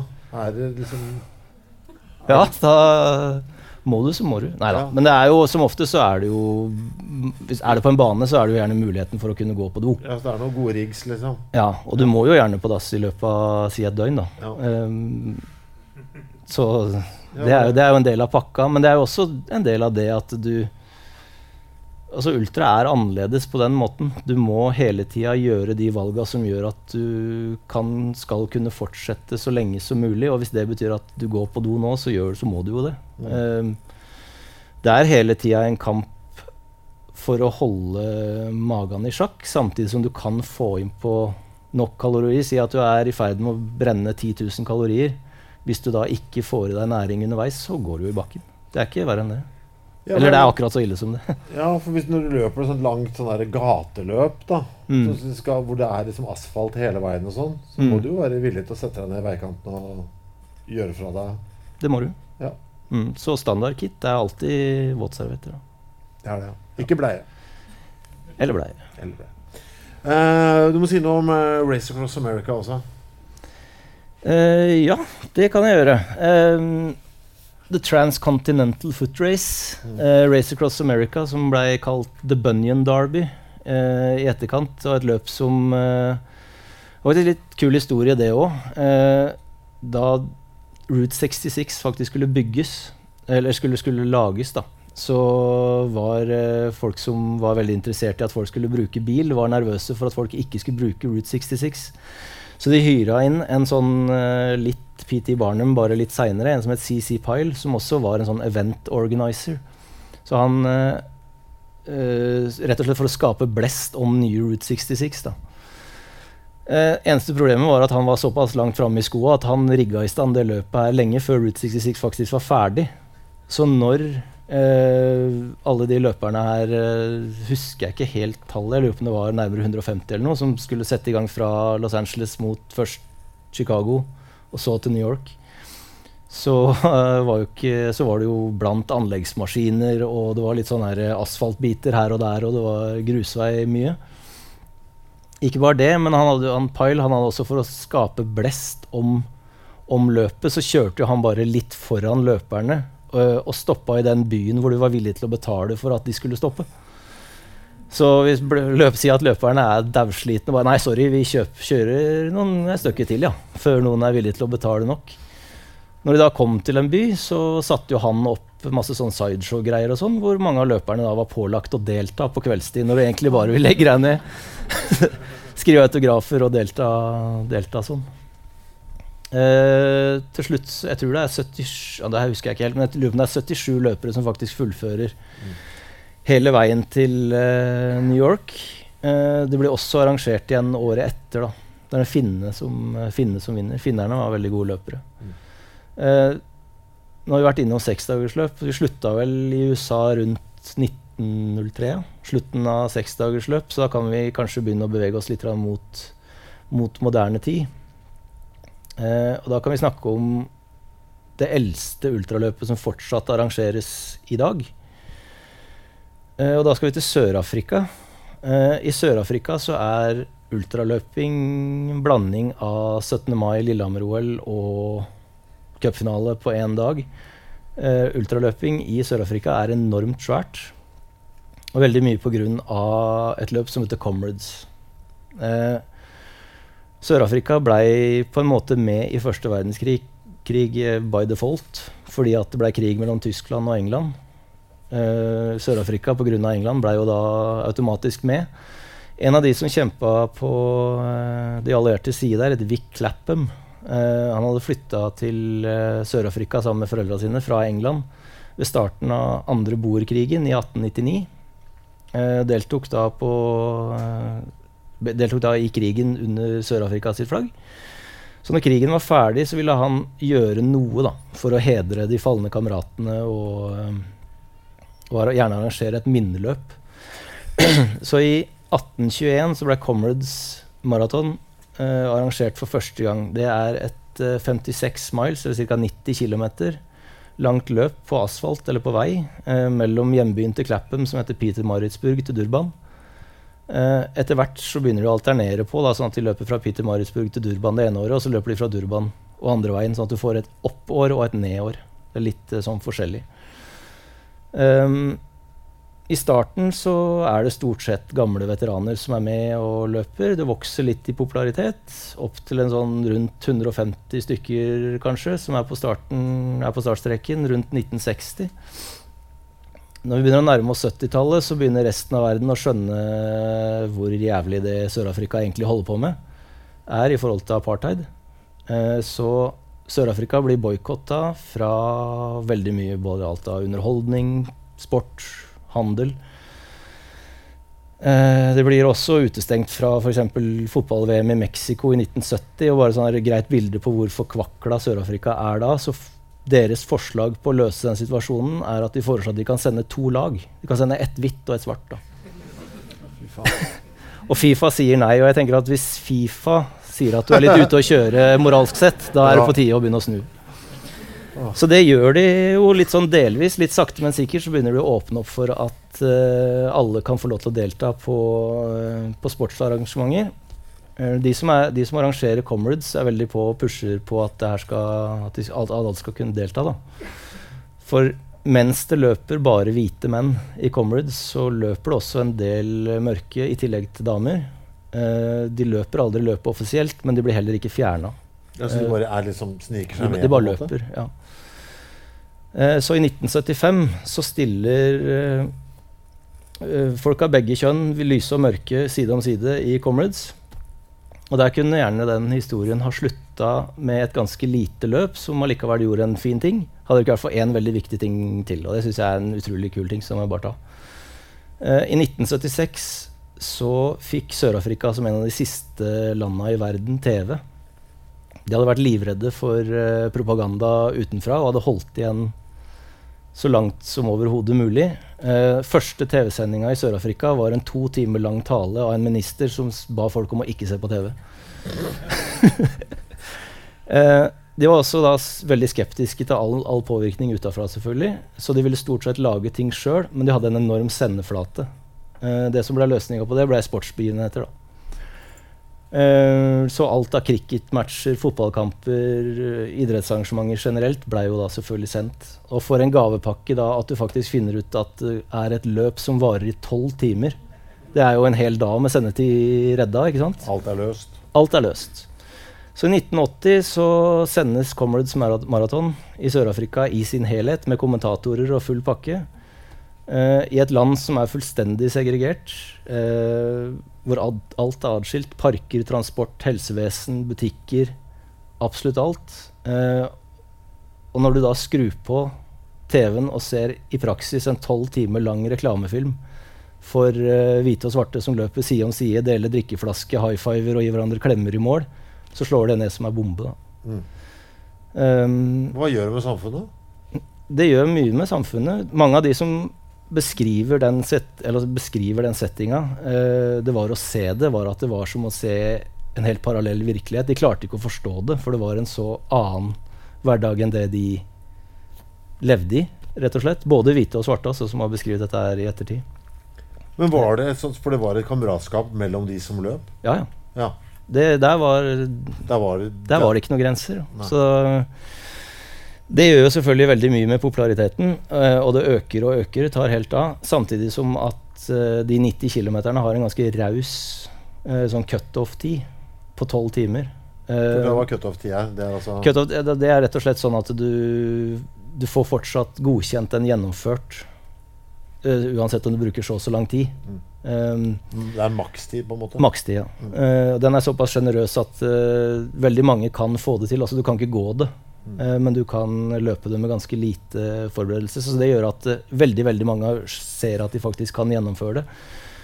Så Comrades vokser og vokser og vokser. Uh, og er ikke bare nå det eldste, men også det desidert største i forhold til antall løpere. Da. Toppåret i år 2000 hadde nesten 25 000 startende. Nelson Mandela nevner løping generelt, og Comrades spesifikt i flere av tallene sine etterpå. Det er veldig kult. Men det må jo være bortimot det eneste stedet hvor man så svarte og hvite mennesker bare i, i samme bilde, omtrent, ja, i Sør-Afrika. Det var det. Mm. Uh, jeg syns det er en veldig fin historie som på en måte sniker seg inn på en sånn litt kul måte. Uh, nå ser jeg på klokka. Uh, jeg hadde egentlig tenkt til å ta veldig mye mer om en del av de første løpa i uh, både Europa og USA, men jeg tror vi er nødt til å hoppe litt fram jeg synes det var litt, Du sa også dameløp. For det har jeg også Når jeg liksom sett på en del uh, ultragreier nå. Mm. Det virker som med en gang lengden blir større, så er det Mm. som kjønnsforskjellene viskes mer og mer ut. Er Ja. det jeg som surrer der, eller? Nei, det er jo mye av det som blir pekt på i den, eh, i den studien til Bramble og Lieberman, er jo nettopp det at de fysiologiske forskjellene som kanskje gjør deg rask på 100 meter, 10 000 meter, så er det store forskjeller på menn og kvinner. Men at de utslagsgivende forskjellene blir mindre og mindre jo lenger du kommer. Eh, det handler jo mye mer om eh, Jo lenger det blir, eh, jo mer rolle spiller egentlig huet over kroppen. Eh, og det er en sånn saying at et ultra er 80% mentalt, og resten sitter i huet. Mm. Det er sånn som Jeg trodde ikke noe på det eh, da jeg begynte å løpe litt langt, da, men det er jo helt tydelig at uh, for, det er ikke kroppen som bryter sammen, men det er gjerne sånn at uh, kroppen Eller hjernen fungerer jo sånn at den uh, setter inn en del forsvarsmekanismer når den kjenner at kroppen begynner å bli merkbart sliten eller utslitt. Så den vil gjerne ha deg til å stoppe lenge før du egentlig må. Sånn at du skal ha, kunne, ha, kunne ha overskudd, f.eks. til flukt Mm. og sånne ting. Um, og akkurat det der er noe av det mest spennende med ultra. da. Å hele tida jobbe med den grensa og se hvor langt du kan eh, pushe. Er det sånn at uh, damer i, også da, i stor grad vinner løp nå? Sånne lange? Litt begrensa, men det skjer jo veldig ofte Eller det skjer jo ikke veldig ofte, men det skjer. Det skjer nok til at jeg syns det er veldig kult. Mm. Eh, sånn som f.eks. en løper som Courtney de Walter, da, som er kanskje den største ja, Nesten uansett kjønn nå, vil jeg si, men eh, en av de absolutt store. Jo, vant et løp som heter Moab 240 for noen år siden. Er veldig ofte av de desidert siste i backyard. Løper stort sett alt, men veldig ofte trail og, eller terreng, da. Og, eh, og, på, og i backyard. Bare nevne det at den der 2023-sesongen hennes det er antageligvis en sesong som aldri kommer til å bli gjentatt, uansett kjønn. Uh, Starta med å vinne noe som heter Transgran Canaria. Løp på Kanariøyene, så vant Bandera en 100 km i Texas før hun tok en sånn helt ute av kontroll-trippel, som var rett og slett å vinne Western States Hard Rock 100 og UTMB i løpet av noen få uker på sommeren. Um, Det, det kommer ikke til å skje igjen. Nei. Nei, det har aldri skjedd, og det kommer neppe til å skje igjen. Er det hun som snakker så mye om å være i the pain cave? Ja. Ja. Det får vi. Og det har nesten blitt en sånn klisjé, akkurat den der, i hvert fall hennes måte å snakke om The Pain Cave på, som jeg syns er veldig kul. da. Mm. Uh, snakker om The Pain Cave som et sted uh, du kommer til uh, etter hvert som du er uh, klar å altså, Hun snakker om det også så litt som en belønning. At du må på en måte gjøre en krevende jobb for å i det hele tatt komme deg til det stedet. Det smertehula. Det smertehula. Eh, og hun beskriver The Pain Cave som et for henne da, et helt fysisk sted. Hvor hun faktisk ok, nå kommer jeg hit, og nå er det snakk om å innrede den pain caven hele tida og gjøre den større. Før man jobber seg gjennom den dark patchen da, og så kommer seg ut igjen på andre sida. For du skal få vondt uansett på et ultra. Du kommer til å få vondt uansett, og så handler det jo egentlig da om hvordan forholder du deg til det. Mm. Eh, du kommer til å få vondt uansett. Eh, men det er liksom det, graden av lidelse det er jo den du kan sjøl kan kontrollere. Altså, du må bare erkjenne at Du må godta at det gjør vondt. Eh, det er liksom sånn der borderline. Høres veldig hardt og harry ut, syns jeg, men, men det er liksom det, er egentlig stikk motsatt. Og jeg tenker på sånn i fare for å bli litt sånn personlig, sånn så for min del så er det mye å komme til et sted hvor du egentlig er nødt til å finne da, en veldig god motivasjon.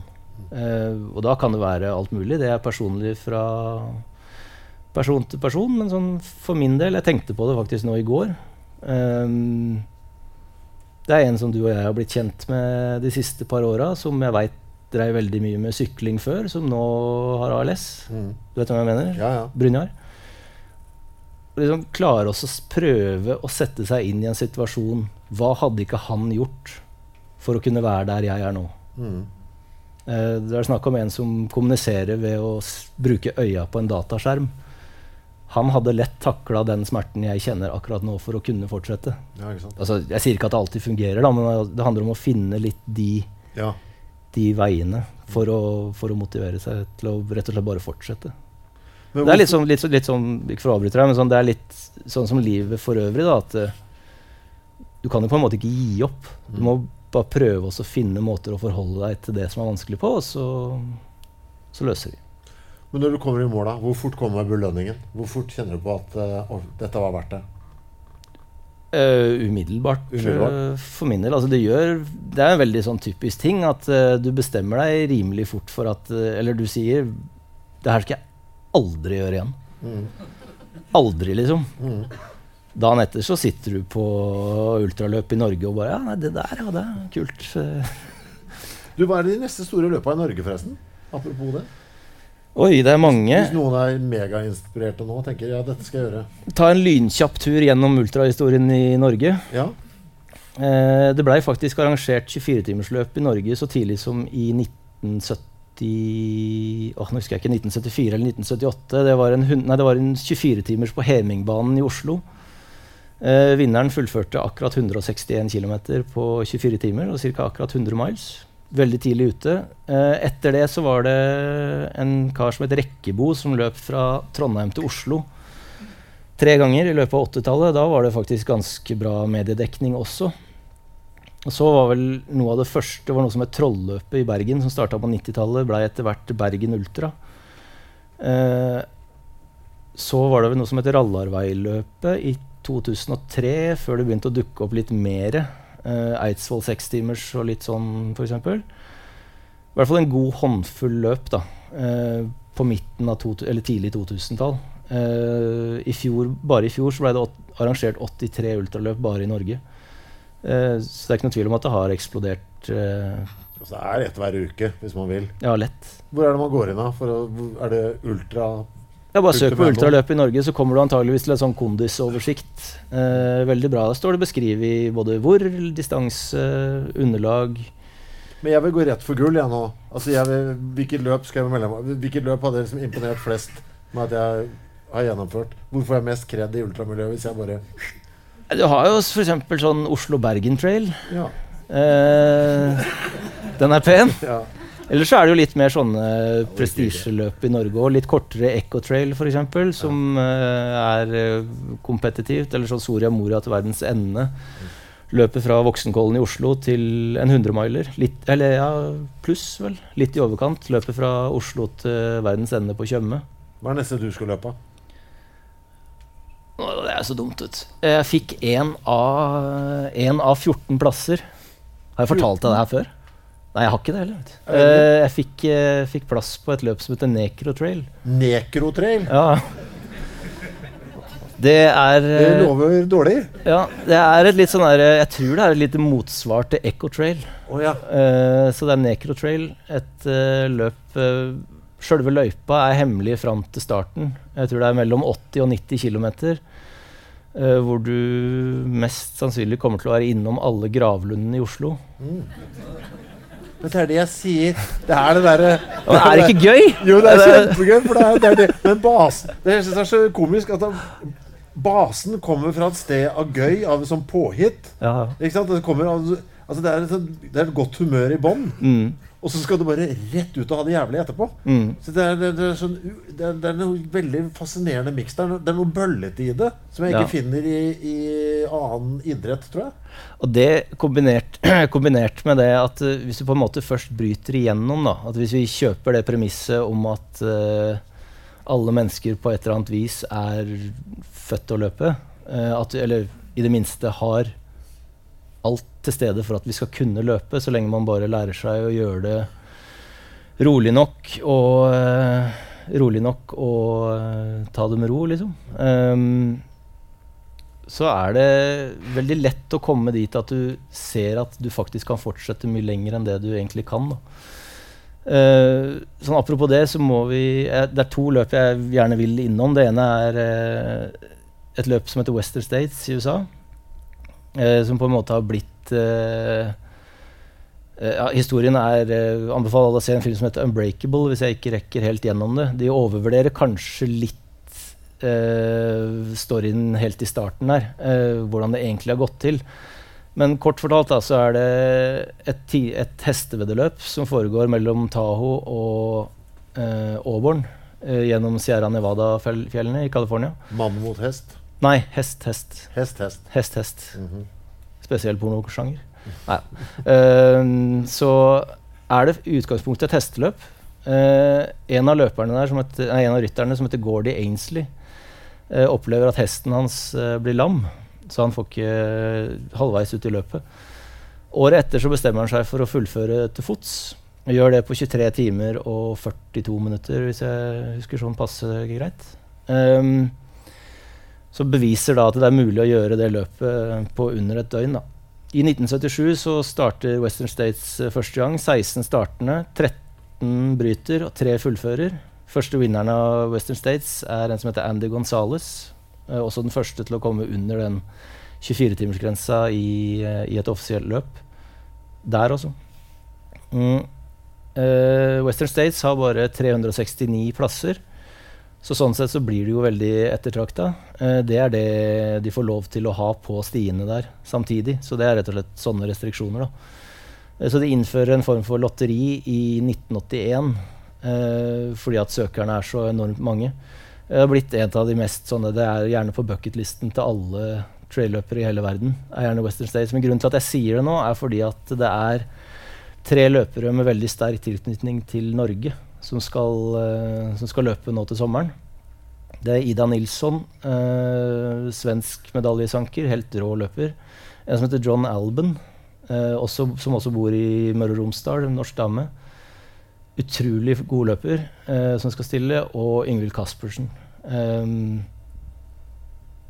som, eh, som kvalifiserte seg ved å vinne, vinne en del veldig prestisjetunge løp i, i fjor. Eh, og så er det sånn at eh, veldig mange ultraløpere er også veldig opptatt av podkaster, så det er ekstremt mye ultrapodkaster ute og går. Mye bra. Veldig få som er veldig bra. Men en av de som er veldig veldig bra, den er også norsk.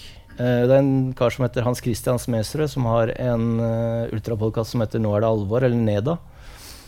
Han er allerede i gang å filme en uh, dokumentarfilm om hvor han følger da, Ida Nilsson, uh, John Alban og Yngvild Caspersen.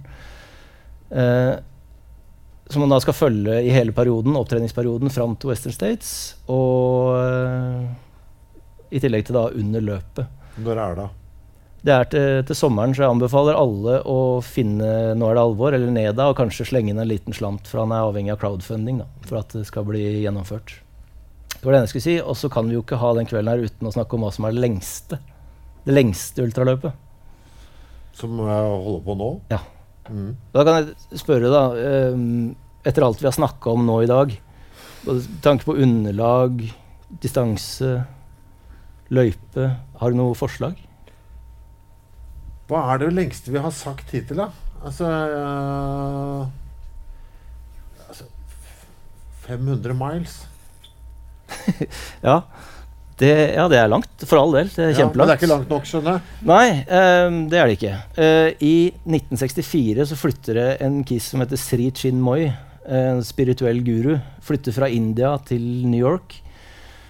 Tidlig ute med å tenke at um, fysiske strabaser er veien til indre ro og lykke. Eksperimentere litt med vektløfting av biler og mennesker og babyelefanter og jeg vet ikke hva. Eh, før han skjønner at løping er virkelig veien å gå. da.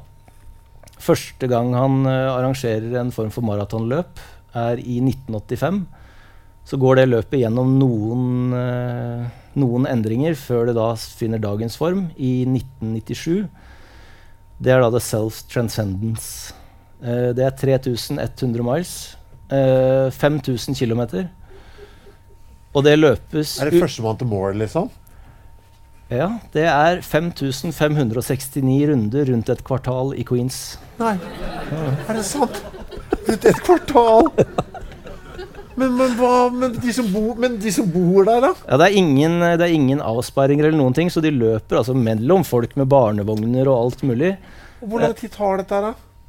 Han, eh, det har vært samme italieneren, lurer på Di Cameo eller Di Matteo eller noe, som har vunnet nå to år på rad. Brukte 42 dager. Tenk deg å bo der, da. Ja, tenk deg å bo der. Og så nå begynner det, liksom. Dette skal være i en og en halv måned. Ja. Løyperekorden er satt av en finsk postmann. Han har vunnet løpet ni ganger. Han satte bestetida i 2015 40 dager og ni timer eller noe sånt. Men hvorfor der? Hvorfor der? Det, det er der han han lov? det, fikk han lov til å gjøre det? det er der han Sri Chinmoy først starta de meditasjonssentra sine. Da. Ja, for det var så kort vei. Det var Ja, det var bare ned trappa og det begynne. bare gå Liksom. ut døra og begynne å løpe rundt. Ja, ja. Men altså, jeg skjønner ikke hvordan de får lov. Nei, det altså er jo de, nydelig at de får lov, da, for all del. Jeg de, elsker det de, løpinga da foregår mellom uh, klokka seks om morgenen og tolv på kvelden. Mm. Så resten av tida da skal du løpe. Men det er ikke noe aid stations eller noen ting. Du må gjerne ha hjelp til å ordne både mat og alt mulig.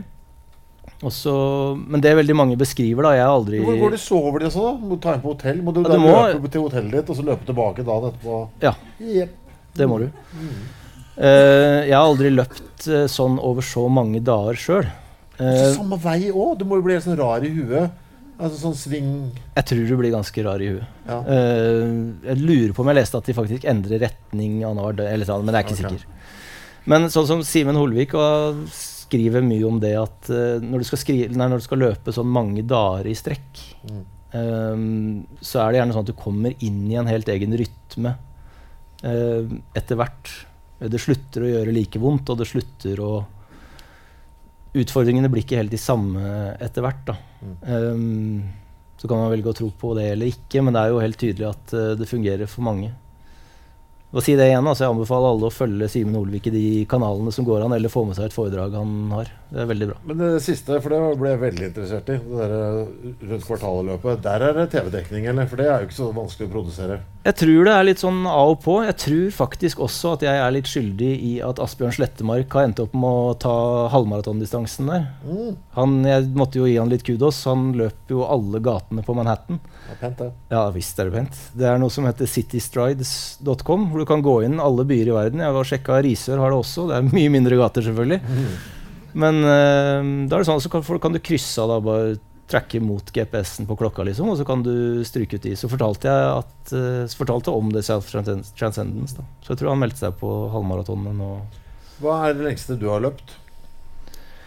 Jeg har fortsatt en krig med å få til den der 100-miles-distansen. Jeg har prøvd, jeg har ikke helt fått det til, men jeg nærmer meg sakte, men sikkert. Enn så lenge så trives jeg veldig godt med komme meg over 100 km noen ganger. Så møter jeg de demonene jeg trenger å møte der, og så får jeg bare jobbe meg gjennom de på vei mot noe, mot noe lenger. Men apropos det du sa med TV-dekning, det er jo en ting som har tatt uh, spesielt ultraløping i en helt ny retning. Uh, streaming uh, begynner å bli veldig, veldig bra. I hvert fall de løpa som har råd til å gjøre det, eller at de har da en sponsor. Så det er et tvega sverd, absolutt. Men uh, Vi må dessverre runde av. Vi kunne sitte her til i morgen. Og jeg hadde, jeg hadde trivdes eh, hele veien. Jeg må si noen ord om eh, neste rekommandert. Da skal det ikke handle om løping. Jeg er sånn usikker på ja, altså Jeg har jo den neste rekommanderte fordi jeg ikke kan noe om det. Det skal handle om maneter. Uh, 26.2. Uh, også det her på Kometen i Drammen. Det er marinbiolog Pia V. Dalen som bl.a. har skrevet den meget populære boka 'Verden under vann', som er gjest. Eh, hvis dere som meg ikke skjønner hva maneter er for noe, så må dere komme. Jeg har tusen spørsmål. Kan den tenke? Flytter den seg dit den vil? Flyter den bare rundt? Hvor store kan det bli? Altså, jeg skjønner, jeg skjønner ikke hva det er. Jeg skjønner heller ingenting. Jeg følger hun Pia på Instagram, selvfølgelig. Hun er kjempekul. Ja. Veldig bra formidler og alt, tror jeg. Ja, og Siden det er hun som kommer, så tror jeg kanskje det skal bli litt om anemoner og koraller også. Når jeg først har henne på besøk. Eh, Billettligg finner dere via rekommandert.com. Og dere som hører på denne podden, det er pizza i etasjen over også. Så det er eh, mulighet for å få seg en matbit og slå av en prat med andre i forkant av kvelden. Da er det bare å si uh, lykke til med alt du skal løpe, og tusen takk for at du kom, Kristian Ellefsrud.